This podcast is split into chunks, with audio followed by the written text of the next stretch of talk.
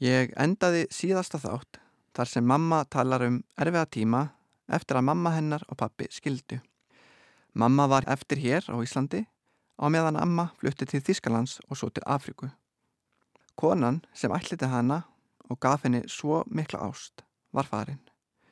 Nú taka við erfið ár í lífi móðumunar.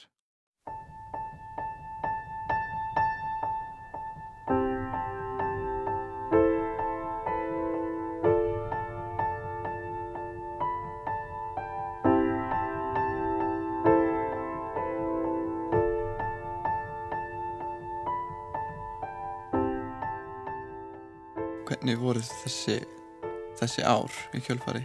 Pappi minn alveg hugsaði þanniglega um mig, hann var, menn, ég fór með honum alltaf á mótnan, hann vann sem sagt á ellahimilinu grönd og ég var í skóla í Vestubænum, sem sé landbórskóla, svo ég fór með honum á mótnana að borða hafragraut og eitthvað svona og svo fór ég bara í skólan.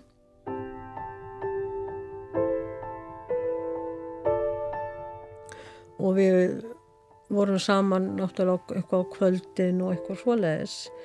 En það var ekki þetta nána samband eins og maður hafði við mömmu veist, ekki þessi, þessi nánt, þessi faðmlög og eitthvað svona.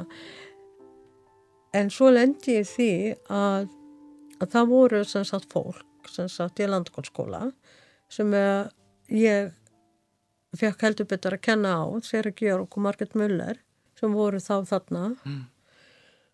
þau einhvern veginn bara gerðsvælega bara gagvært mér þau bara breytur sem leið og ég var bara alltaf orðið móðulegs þá feng, ég svo að kenna á því Hvernig þá? Ef ég glemdi að koma með heimavinnu þá var ég rökku niður fyrir, framann allan bekkin mm. ef ég gerði eitthvað vittlaust í starffræði var ég rökku niður og maður var látið sitja eftir ef ég ger eitthvað gott þá var manni hampa og ef ég vogaði, vogaðist til að gera eitthvað vittlust eða mm. gleima heimavinnu eða eitthvað þá var maður bara, og þetta er allt gert fyrir framann allar sem að voru svo æðislega og skiluðu alltaf.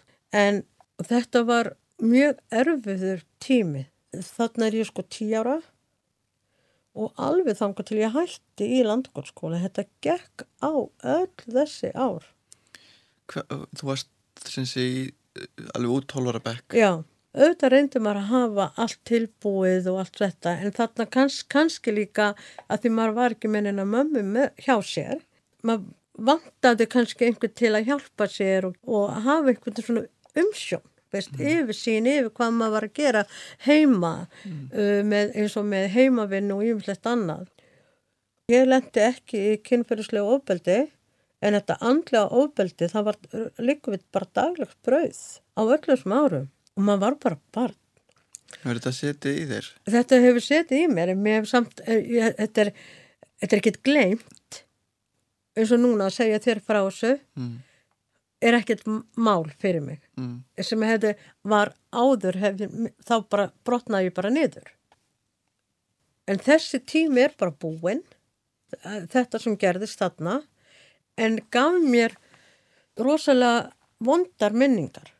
Hvernig var svona þitt stuðningsnett á þessum árum? Þú veist, hver, hverja varst að umgangast á þessum svona mótunar árum á milli 10-12 ára og svo þú verður úlingur? Sko, ég er náttúrulega átti, átti alveg við náttúrulega bekkjavinni og allt þetta og bekk að koma heim með þeim og allt, allt svoleiði sko. Mm.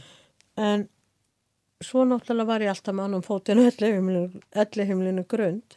Með pappaðinum hvað, ég ætli að hafi ekki verið 12-13 ára að þá hitti ég st unga stelpi sem að var að vinna á elli heimlinu grund. Að því ég þurfti nú ofta að býða eftir pappa mínum lengi á daginn og var samferðað honum heim og eitthvað svo leiðis mm þá var hann að stelpa sem að kom að mér einhver tíman þá var ég grátandi á ganginum einhver mm. tíman og þá hafði ég bara saknað mömmu eitthvað og hún mm. kom að mér og og hún eiginlega tók mér svolítið að sér hún var að, mm. þetta er Helena og hún var eiginlega mitt stuðningsnett hún var rosalega mm. mikið með mér og tók mér mikið að, að sér og svo var það önnu ung stelpa Mm. sem ég kynntist bara fyrir tilviljunir í bæ. Hún var að vinna á hérna pulsuvagninu niður í bæ. Það var svona pulsuvagn beint á móti hressingaskálanum að lækja göttunni ég kom einhvern tíman og fekk mér pulsu. Hún talaði við mig og ég fór að tala við hana og, og það var rosalega skrítin tilfinning þegar ég sá hana að því mér fannst hún eitthvað svo hún var svo dökk yfirleitum kannski var einhver tenging þarna eins og að því hún var, fannst hún ekki lítið út eins og íslitingur og það endaði með því að ég var alltaf að fara nýr í bæ og hitta hana oft við pulsuvagnin. Svo endaði með því eitthvað að venda og tók mig, tók mig heim með sér og hérna gaf mér að borða og hugsaði mig bara eiginlega um mig. Þær báðar voru bara eins og ég var eins og þeirra bara. Hugsaðu rosalega vel um mig. Þetta var mitt öryggi á þessum tíma en svo náttúrulega koma þessi kaplaskipti þar sem að þær eru náttúrulega eld 5 árum, 5 eða 5 eða 6 árum eldri en ég að þær eru náttúrulega bara, svo kemur bara kaplaskipti þar sem að þær eru farnar úr mínu lífi sem sagt og ég er náttúrulega eldist og þær eru komna með kærasta og eitthvað svona. Ég held að bara þær hafa bara eiginlega bjargað mér svolítið á þessum tíma yfir umhyggjunu og væntuþykjunu sem þær gáfu mér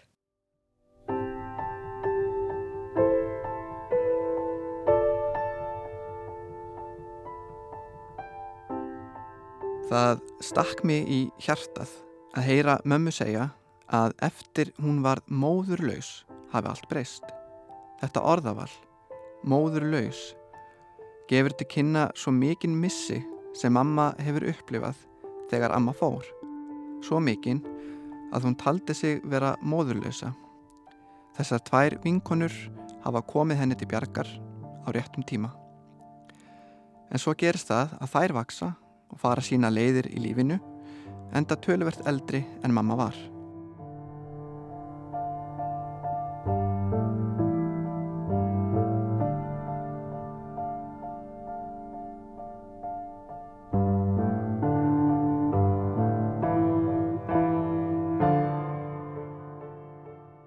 Ég held að verið svolítið mikið missi eftir ég misti sambandi við helunu og steinunni.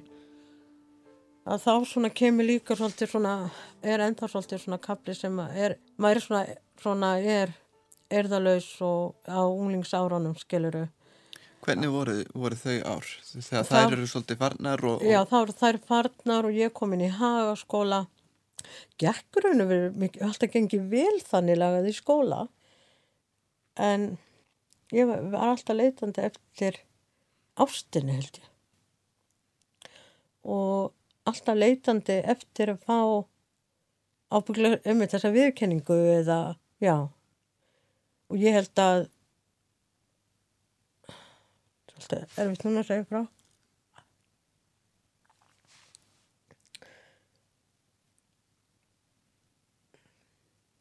Já. Í skólanum var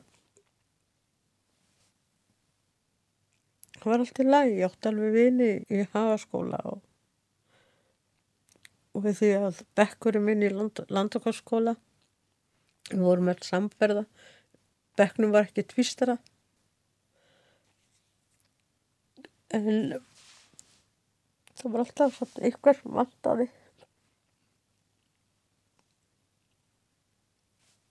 Og ég var mjög bráðhorska. Í tali og, ímyndstætt annað. Ég var snemma að byrja að sofa hjá og ég var ég var ábygglega verið að leita af einhverju svona ástúð og, og sem ég saknaði, sem ég fekk ekki frá föðum mínum og, og það endaði með því að man ekki hvort það var bara ákveða félagsarafgjafin í hagaskóla eða eitthvað kennari sem tók eftir því að, að, að mér leiði ekki vel. Og ég fór til félagsarafgjafa og ég man að ég þetta var, ég man ég með segja hvað húsið það var. Það var held ég upp á Sólvallagötu. Þá fór ég í viðtal. Og og ég sagði bara já, ég væri oft einn heima og og mér vantaði bara einhvern svona samastað til að vera ég fór á fjölskylduheimili þegar ég var 15 ára Mm. sem var að vara af, Reykj af Reykjavíkuborg þá Hvar var þetta fjölskyldaheimili? á Ásvallagötu 21 á þessum tíma þá var pappi minn skildi mig stundum eina eftir heima á kvöldin Mm. af því þá var hann eitthvað með byrja með einhverju konu hann sagði mér ekki frá því Mm. og ég var átt heima ein heima þurfti bara að sjá mig sjálf líka pappi minn var bara á sér kynsluðs þar sem hann kunnit ekki bara, Og það var enginn sem greip nei, boltan. nei En nú þegar þú varst að hugsa, þegar þú brotnaði niður, já, hvað varstu þá að hugsa um? ég hugsa bara ég vildi orka að mamma hefði verið hérna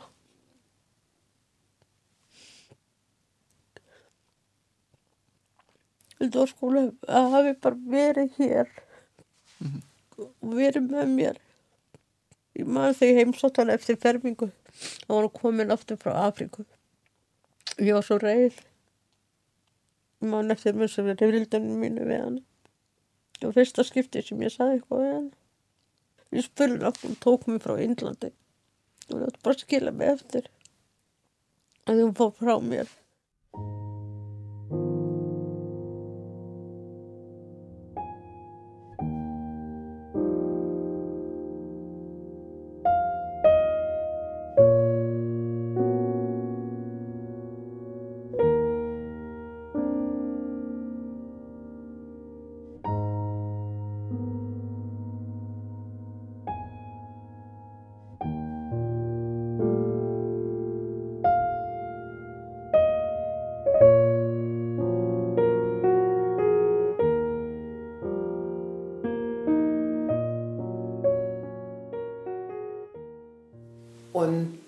dann kamen sie mi- mich nochmal besuchen, da wohnten wir schon in Freiburg. Und da war sie doch äh, sehr, sehr kritisch.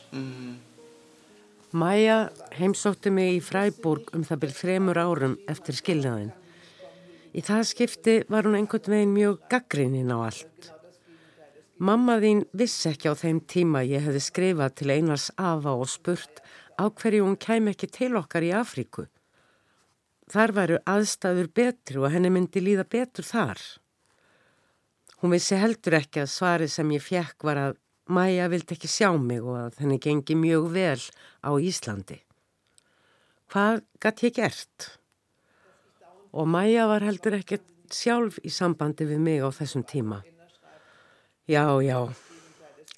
Það voru þarna tvö ár eða svo þar sem samskiptin voru í lámarki. Naja, und dann war ein paar Jahre Funkstille, also ruhig. Ég man svo vel eftir þessu atviki. Ég var inn í eldhúsi þar sem bjó í Fræborg og þá barst þetta til tals af hverju hún fór. Og ég man ekki alveg orðrétt hvað hún sagði eða en eina sem ég man að ég var svo reið og ég bara grét og ég, sag, og ég sagði bara, við, ég spurði hana okkur hún tók mig frá Indlandi og okkur hún var að fara sérst ég var að, að þetta var mín reyði þarna sko. Ég man ekkert af hverju þetta barsti tal þarna inn í eldúsinu. Mm. Kanski út af því að hún, að því þegar hún kom til Fræborgar, þá var hún búin að vera út í, út í Afríku. Sannst að ég var ekki búin að sjá hann í mörg ár þarna eða nokkur ár þarna á milli.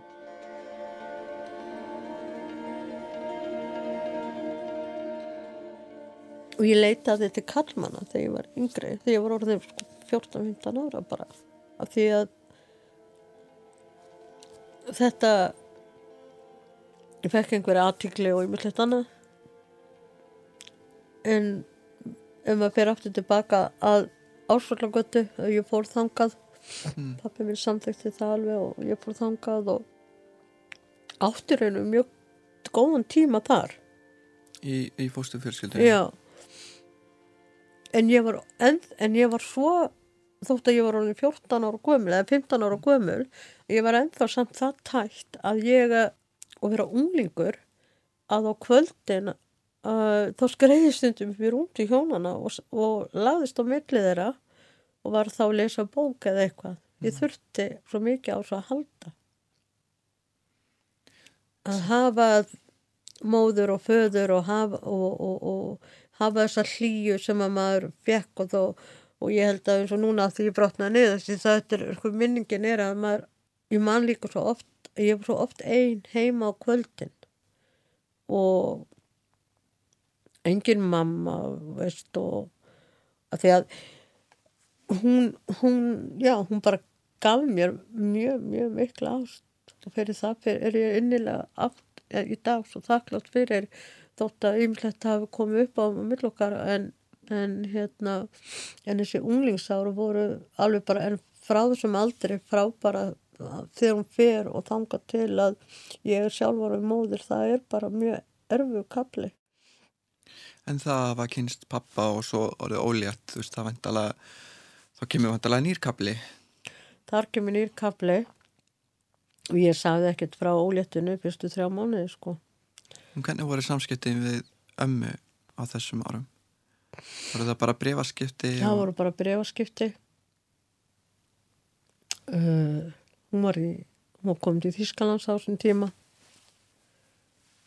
En þau voru alveg góð, þannig að með minni, sko, brefarskiptin og allt þetta. En hvernig voru þína tilfinninga gagvartinni á þessum árum, sko? Tilfinningarna mínu voru, sko, það sem ég var alltaf að vonast, það var að hún myndi, sérstaklega eftir sýstum fættist, þá var ég, hún, jú, hún kom reynda einu slinga með hún var bara pínu lítið, en ég var alltaf að vonast að hún myndi koma oftar. Til Íslands? Til Íslands en sem verður ekki. Veistu eitthvað af hverju, af hverju og hún bara, bara, bara beiti í sig henn fannst ekki. Ég, sko ég hef aldrei kannski fengið samt útskýringuna af hverju vildi ekki koma þótt hún væri komið með barnabat sko oftar. En hún bara vildi ekki koma. Hún bara hafði leið ekki vel hérna. Uh, Já, þessna segja sáðu mér hún hefur farið tilbaka en ég held að þetta eitt af besta sem að gerðist þegar ég verð þarna ólíkt af sýstuðinni það er mm. þá þegar hún fættist það var eitthvað sem að ég hugsaði alveg rosalega vel um hana.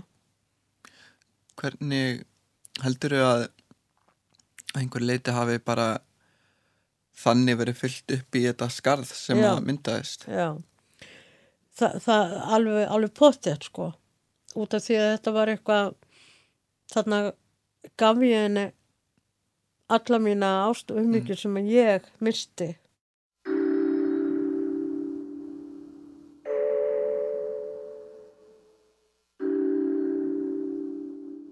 Und dann kriegte ich ein Telegramm, ich weiß nicht von wem, ob das Dua war oder Anna, das weiß ich nicht. Dass Maja ein kleines Mädchen hat. En svo einn dag fekk ég símskeiti frá fjölskyldu Einars og í því stóð að Maja hefði eignast litla dóttur. Hún saði mér það ekki sjálf. Þá skrifaði ég henni. Það leið langur tími þar til Maja skrifaði mér tilbaka og sagði að hún byggi með manni og dóttur í gömlu íbúðin í ljósheimum og spurði svo hvort þau mættu koma að heimsækja mig. Ég varði auðvitað mjög glöð og sagði, auðvitað getið þið það. Þegar þau komu með þá litlu varði ég auðvitað eins og smjör í sólskinni. Eftir þetta fór samband okkar að batna. Við ferðumst saman í bíl til Östuríkis og næstu árin komuðu árlega í heimsókn. Það var á þessum tíma sem ég heyrði í fyrsta sinn að mömmuðinni hefði ekki liðið vel þessi ár eftir að ég fór. Da erst gehört, wie schlecht es ihr gegangen ist, was, wie, viele Probleme sie hatte in, in der Schule und dann und, und, und, und Anna hat sich überhaupt nicht um sie gekümmert.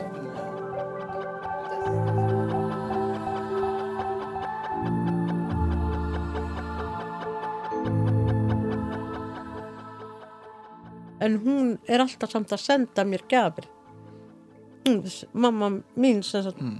hún sendir alltaf gafir á þessum tíma og er alltaf að senda henni í född og ímislegt annað mm. og það helst gott samband, brefasamband á millokkar mm.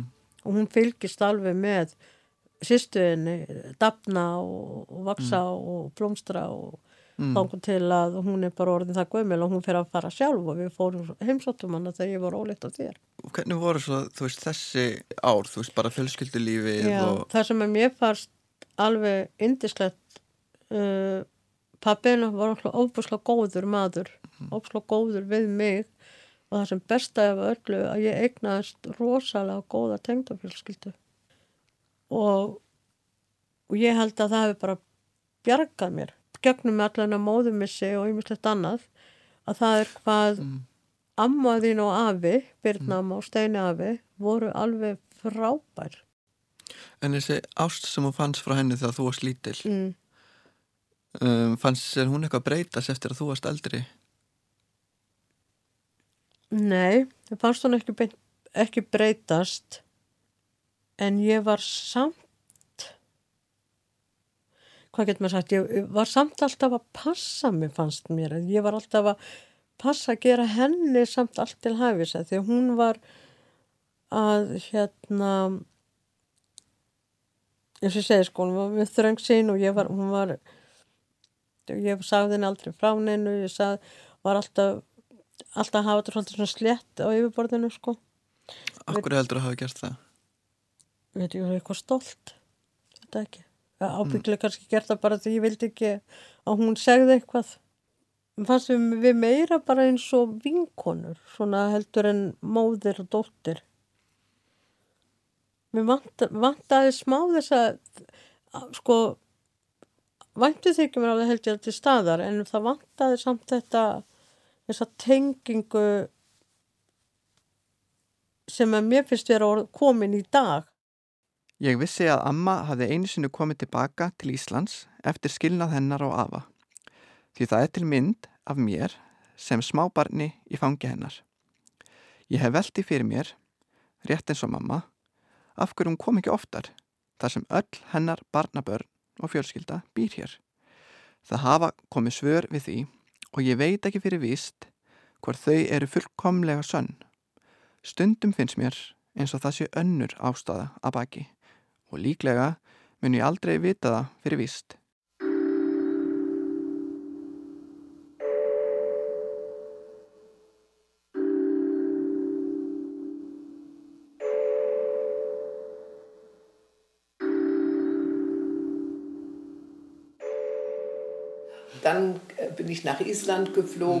Ég kom einu sinni til Íslands aftur þegar þú varst pínulítill. Ég flög frá Luxemburg þar sem var næstum 30 stiga hiti og stegi út úr flugvelin á Íslandi þar sem hitastíði var 2 gráður. Mér fannst ég vera á norðurpólnum. Ég var ekki nóg vel klætt og kefti mér strax öllarpeisu en var strax veik á Íslandi. Ég var verulega veik í sex vikur eftir þessa heimsókn. Mjög, mjög veik. Vegna þess að ég fekk bergla þegar ég var 15 ára.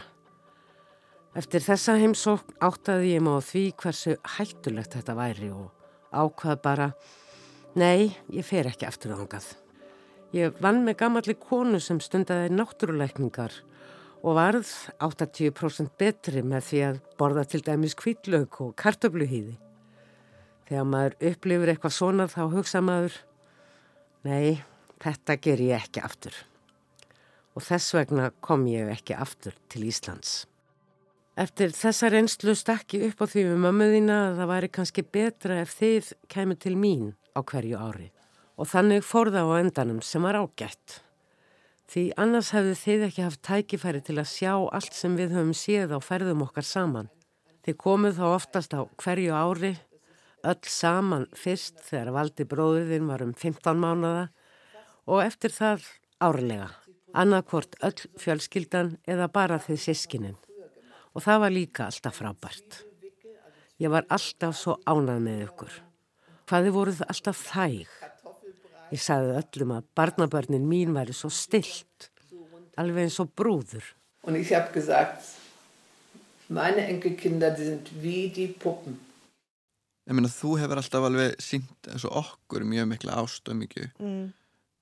okkur sískennunum helduru að það sé rosa mikið komið út frá þessari ást sem að þér finnst þú hafa mist sem, sem barn? Mér finnst það að koma einmitt út frá því að ég mist að því ég haf mist af því sem barn.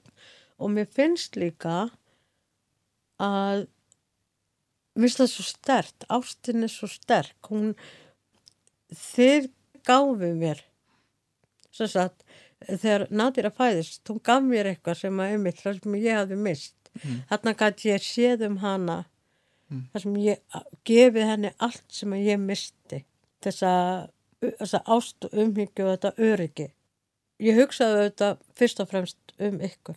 Ég held að ég hef miklu meira hugsað um ykkur heldur nokkuð tíma sjálfa mig en það held ég að sé bara út af því að að því maður mistur svo mikið af þessu sjálfur Mhm. að þegar, þegar mamma mín fer að þá finnst mér hef ég ábygglega fundist þetta ég ætla að gefa mínu börnum það sama og ég fekk frá minnum móður.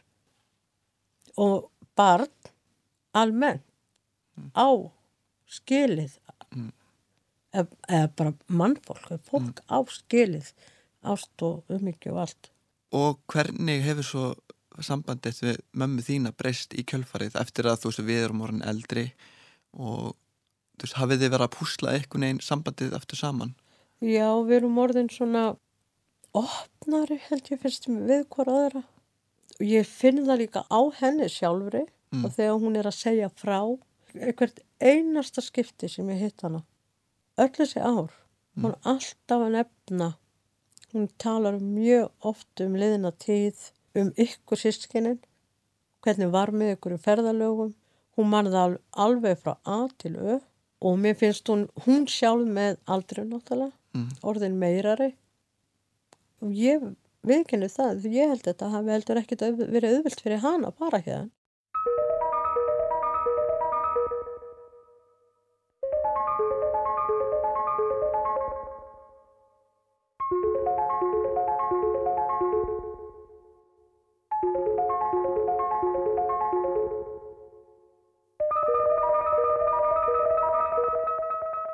það kom upp atvik Mm. á, á ykkur tímapunkti, ég man ekki hvernig það var Mm.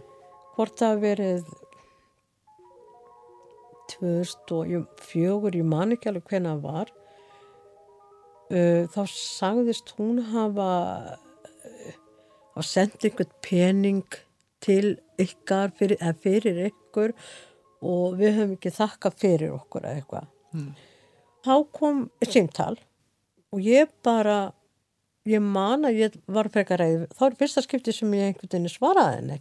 Var bara frekar reið og, og sagði við hana að þið hefur vist takka fyrir ykkur. Og ég sagði henni líka frá því og þá eiginlega hraunaði ég eiginlega yfir hana.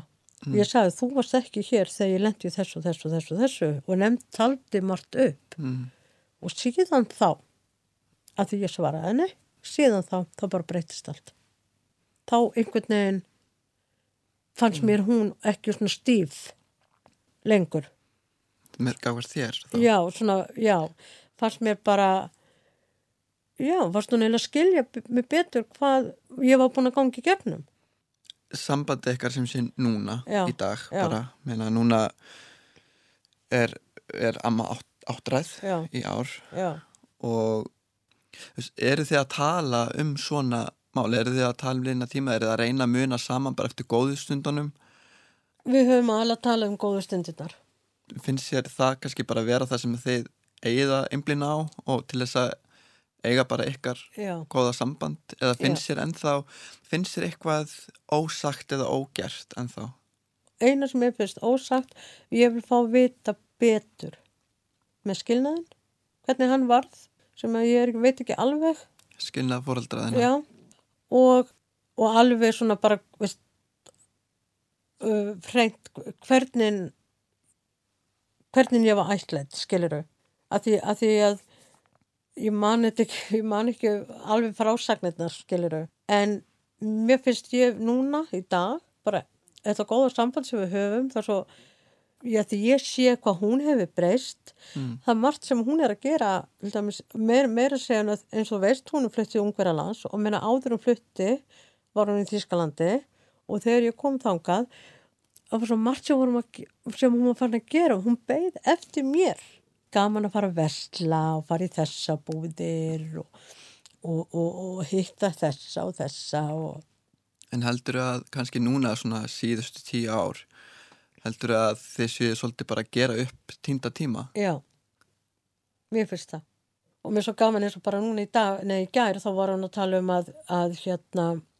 að afiðinn að mm. hann uh, hún er vant að nýja buksur en hún vil allar ekki að kaupa nýja buksur fyrir en að ég kem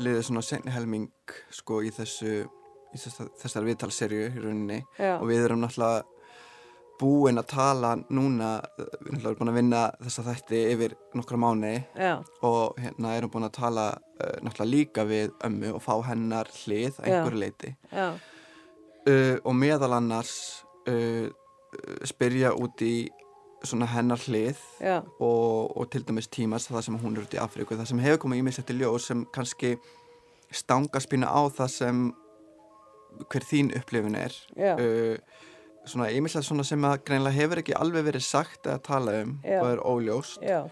Uh, vil amma meina allavega. Já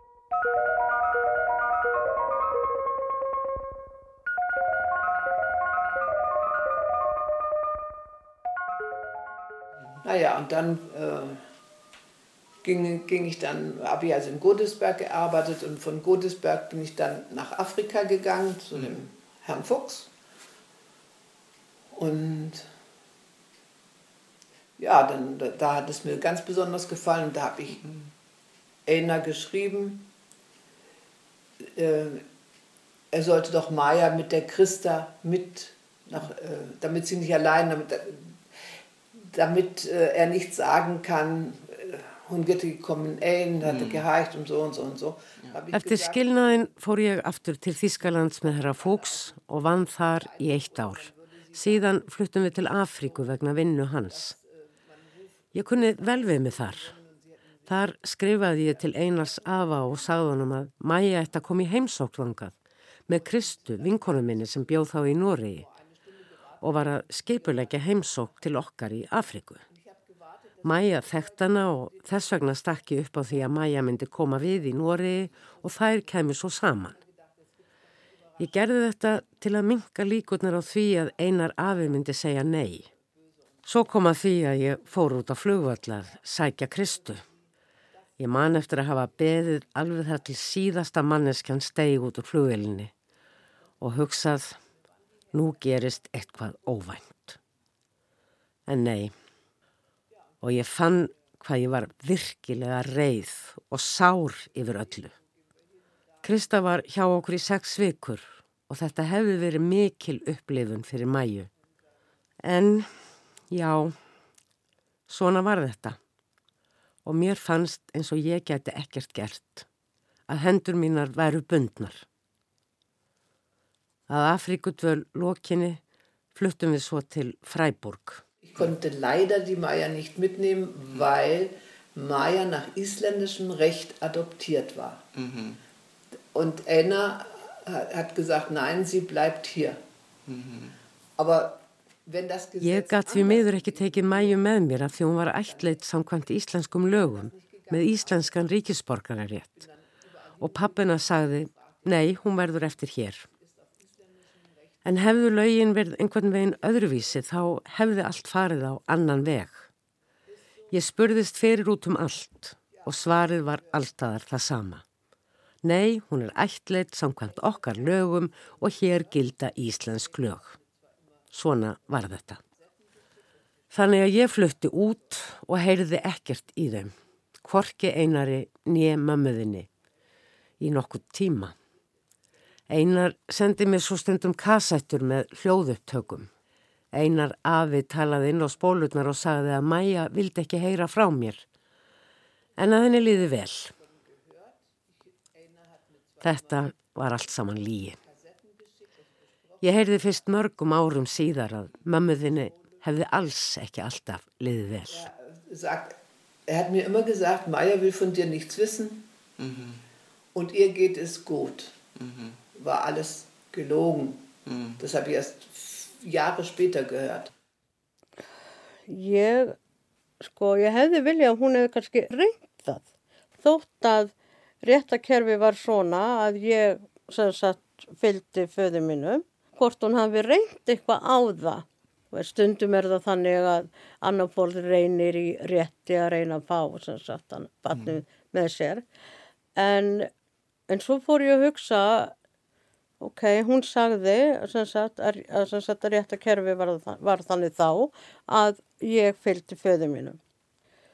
Og ef ég hugsa út í það núna, að þá hugsa ég með, með mér, ég er náttúrulega eldst, Ég held virkilega að þetta hefur verið mjög erfitt fyrir hana. Það sér að skinja það í sumar? Já.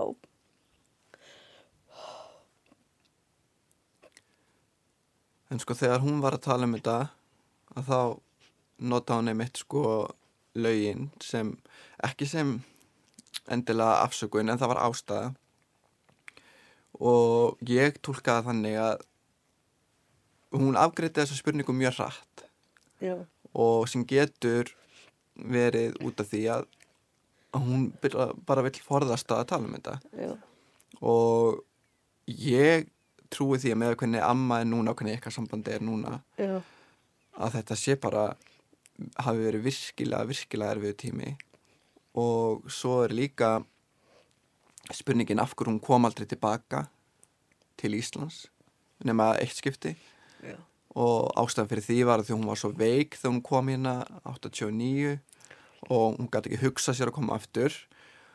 Og, og, og svona sko þetta er, þetta er ástæðanar fyrir því að hún segist ekki vilja komingað en maður veit ekki sko hvort hún sé að halda ykkur með upplýsingum bara að sér uh, út af því að það er ofervitt fyrir hann að tala um það. Finnst þér að þurfa að spyrja eitthvað svona stórra spurninga og fá einhver önnur svör? Að finnst þið bara þú vera svona fullmettið af svörum frá henni og finnst... Mér finnst ég ekki, já, mér finnst ég ekki þurfa mér finnst ég vera búin að fá nóg af svörum en mér finnst bara svo ég kannski brotna niður líka út af því að mér finnst líka erfi, mér finnst líka erfi að hugsa til þess að ég hef aldrei heiltar að beint segja það það var erfitt fyrir hann að fara það var erfitt að skilja hann eftir. Og svona ímislega það kannski líka út af því að hún er líka orðin eldri og við breytumst og ég er og ég finn það líka þegar ég verður að segja undanfarinn ár þegar ég kvart hana. Það verður alltaf erfið fyrir mig. En svo skilja ég það svo vel líka. Ég held líka að ég veist ekki, ég bara hætti ekki höfði þetta er svona erfitt en hún var líka ung og ég myndi þetta annað en ég held að allt saman hafi verið erfitt fyrir hann og ég held ég skil hana líka og skil hana ekki og en ég er sátt við svörin hennar út af því að það er ekkit meira sem ég get gert nema að minna hún getur ekkert farið að segja mér eitthvað meira af hverju þetta var svona og ekki hins einn. Heldur hún minni bara alltaf að gefa sömu svör? Já, hún er svona búin að gefa þessu svör og ég bara lif áfram mínu lífi og bara ég er mjög þakklátt í dag og ég er mjög svona, já ég sé mjög þakklátt fyrir það að sambandi millir mín og hennar hefur breyst svo mikið. Ma, að því maður má ekki gleyma því heldur. Auðvitað var náttúrulega komið hérna erfið kaplar í lífið manns. Ég hef búin að vinna í því að það er bara búið en kannski ekki gleimt og þetta eru hlutir sem að koma ekkert aftur núna bara þarf að líta fram á við og, og reyna, minna ég ringi til dæmis í mömmu mín og orðin líku við einu slutu tvisvar í viku Ja, ja, sie telefoniert dreimal in der Woche und so. Ich sage, also manchmal sage ich, ruf jetzt heute Mittag nicht an, weil äh, ich gehe mittags zu, zur, zur Massage. Já, já, hún ringir þrissar í viku. Ef það er eitthvað á döfinni hjá mér, læti ég hann að vita og byða hann um að ringja ekki. Eins og til dæmis nutt eða eitthvað slíkt. Ég læti hann alltaf vita hvernig dagskráin er hjá mér til að passa upp á við náum að heyrast. Frá mínum bæjardyrum séð er sambandið frekar gott í dag. Þannig að þú veist þessi ringur er svolítið svona lokað núna eins og segir, það er margt búið að gerast já, frá því að hún sóttiði hann á Amsterdam flugvelli já, þannig að það er svona ykkar samband sem að núna bara er, er komið á uh, þann veg að, að það er hægt að horfa með augum fram á við mm, og loka þú veist og njóta þessara ára sem að hún á eftir. Ég minnist svo þessa, þessa stunda með hún var hér á landi. Þegar hún bjóð hérna það var bara, veist bara frábær tími. Mm. hugsaði svo óbóðslega vel um mig frá aðtilu bara virkilega sem móðir þetta náttúrulega var mjög, hún var líka ung bara eins og maður gengur að gerist og en þetta já, rosalega góða minningar. Já og það er náttúrulega minningar sem að þú átt alltaf. Já, alltaf. Og það er náttúrulega hefur verið rosa mikið ferralega fyrir mig já, að fara í þetta í, í þessi viðtöl. Og svo sem margar aðra svona dýbri spurningar sem ég á kannski eftir. Um, en kannski er það eitthvað sem að sem er allt í lægi að skilja eftir opið. Uh, eða kannski eftir að gramsa í því meira. Já, uh, í framtíðinni eins og bara svona, eh, svona smáatriði eins og ykkur brefaskipti uh, sjá virkilega hvað fór fram í þeim. Uh, brefaskiptin með, meðan hún var í Afriku eða brefin sem að komið frá sem sé dæturum Einarsafa já, til ömmu og svona, svona skoða bara nákvæmlega uh, í smáatrum um, en hins vegar sko held ég að um, að, að þessi viðtalserja hafi opnað rosa margt fyrir mér já, sem ég vissi ekki um Já. bæði þig og, og um ömmu. Já, og svona á sama tíma bara einhvern veginn um sjálfa mig. Já, það er einhvern veginn svo stór hluti af þessu Jeder macht mal irgendwas verkehrt. Der eine kriegt das erste Kind mit 17, der andere ist zweimal geschieden und der andere hat diese Probleme. Aber man kommt ja aus dem Problem. Auðvitað er það þannig að fólk gerir alls konar mistök í lífinu. Sumir eignast börn of ungir og sumir ganga í gegnum tvo skilnaði, eins og ég. Og aðrir eiga við önnur vandamál að stríða. En ef maður á við vandamál að stríða, verður maður að reyna að leysa þau. Kommt ja aus den Problemen, versucht immer herauszukommen. fyrst og fremst ætla bara þakklátt fyrir að ég hafi átt foreldri sem tók mig frá Englandi hefði geta farið allt öðruvísi að þau verið allt sig og í rauninni bara mjög tilvílunni kent að, að þú end, endar hér og, og svolítið skemmtilegt að hugsa tilbaka um í rauninni fyrstu minningar frá ömmu þegar hún er að leika sér í Tjekkoslovakju og fyrstu minningarna þínar og, og einhvern veginn hvernig þetta allt blandast svo saman. Og bara það að hún hafi uh, hún sko hafi viljað ætlega en Já. náttúrulega og verið hana með myndir frá ætlengaheimilinu þú veist og bara gert með lokuð augun nöglast átt á kvisti þú veist þetta er í rauninni alveg ótrúlegt. Þú veist ef maður spáir í því og líka fyrir mig og, og fyrir sískinni mín já, að spá í því að, að við værum ekki hérna. Ef að hún hefði ekki bara af algjöru slempilukku enda með þína mynd í höndunum og hún Já. horfði ekki svona á myndina heldur sett hún að beint í umslæðið já, og sendið það beint út á heimil og sagði þetta er stelpa sem ég ætla að ætla. Það og, og svarið sem hún fekk var já þetta er drottningin okkar hún Maja ó, þetta vissið þú ekki út af því að þú varst ekki í þessu samtali. Já, en það hefur komið fram hérna í þættinum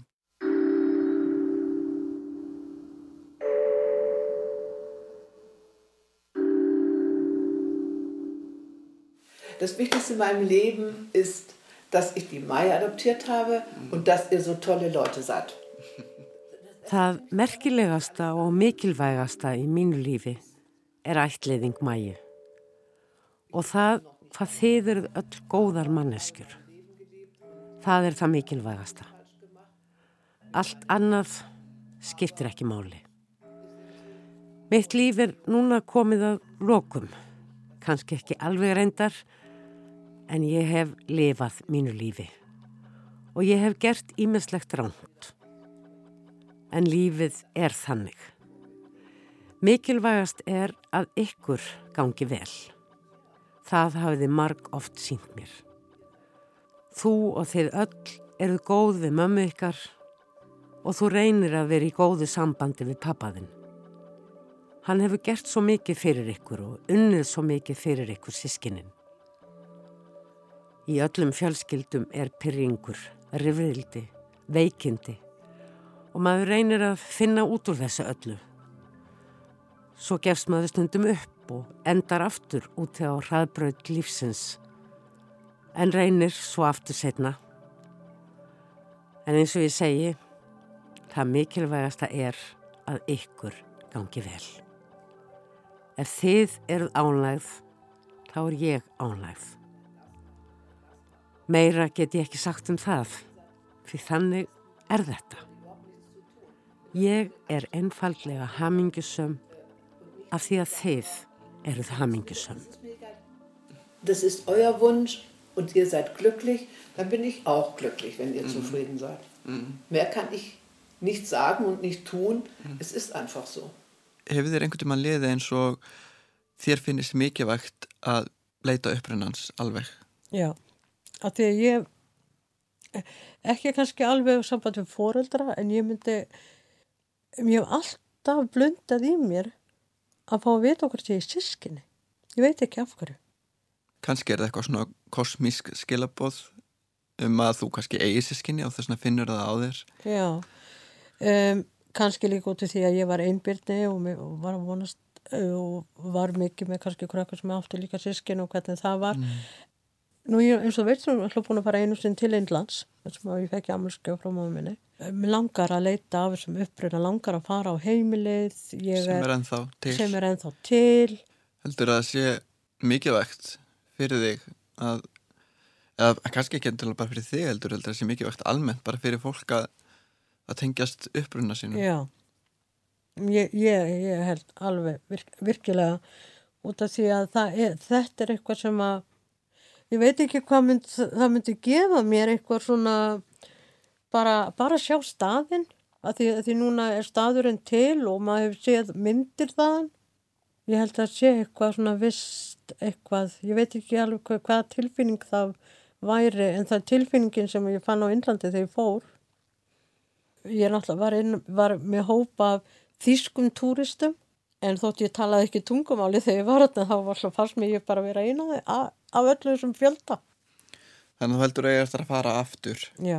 Þú myndir þá vilja gera það öðruvísi. Já, mest af öllu langar mér að, að við fjöl, hluti af fjölskyldinu farið saman. Mér þætti gaman að ef við myndum geta farið saman og, og þið séð hvaðan ég er frá. Mm. Ég með bref en þá mm. sem var velritað á, á, frá Índlandi 1969 Mm. Ég er með, eins og kannski veist ég, er búin að hafa samband við mm. með gegnum tölvuposta en ég á mm. eftir að ringja ánga og aðtöða mm. hvort að ég fæ einhvers för og eins og tæknirinn í dag það er eitthvað að tala um, um DNA-prófi og mjög hlut annað. Þannig að það er kannski einhver glæta að, að, að leita einhver að svara. Einhver, já, einhver að svara. Ég hef kroppað rétt í yfirborðið á sögu móðu minnar og sögu þýsku ömmu minnar í leiðinni. Það er margt sem er langar að skilja betur, eins og raunverulegu ástæði þess að mamma fylgdi ekki ömmu við skilnaðin, því mig grunar innst inni að amma haldi einhverjum upplýsingum frá okkur, þó veit ég það ekki alveg, hvað stóði þessum brefum, af hverju vill hún ekki koma til Íslands, kom eitthvað fyrir ömmu og meðan hún daldi hér. Ég skil því hlustendur eftir með svegrum til þess að geti eður, spyrja spurninga og jáfnvel endur spekla eigin fjölskyldu tengsl í gegnum sögu móðuminnar. Við eigum öll okkar sögu. Til þess að skilja okkur sjálf aðeins betur þá getum við byrja á því að opna munnin, tala við hvort annað og spurt spurninga.